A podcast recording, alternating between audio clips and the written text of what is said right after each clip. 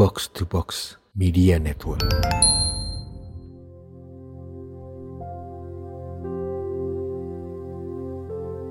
Salah satu hal yang mudah diucapkan tapi sulit untuk dilakukan adalah bersyukur. Terasa mudah memang bila kamu dalam keadaan bahagia.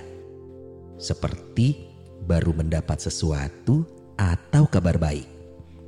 Tapi apabila dalam keadaan terpuruk, bahkan untuk menumbuhkan pikiran baik saja sulit, apalagi untuk bersyukur. Dan memang bersyukur itu sulit dilakukan karena hidup yang kita jalani ini jauh dari sempurna.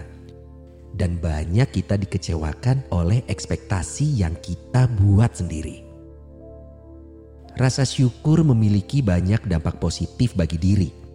Rasa syukur membuat kita sadar dan melihat hal yang selama ini tak terasa dan terlihat. Bahkan, rasa syukur pun dapat mengurangi tingkat depresi. Kebiasaan bersyukur bisa dilakukan dengan cara yang mudah kok, yaitu mencatatnya di saat sebelum kita tidur. Mengingat kembali nikmat apa saja yang sudah kamu rasakan dalam satu hari penuh. Seperti terima kasih karena hari ini masih bisa sampai di rumah dalam keadaan baik dan sehat. Terima kasih untuk penyakit yang tidak kambuh di saat yang tepat. Terima kasih untuk kesempatan masih dapat menjalani pekerjaan dengan baik. Terima kasih untuk makanan yang sudah dinikmati selama satu hari.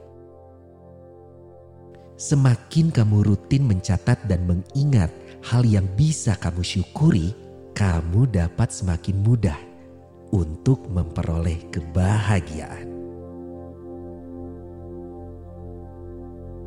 Sonny Bastian, That is Wise Words.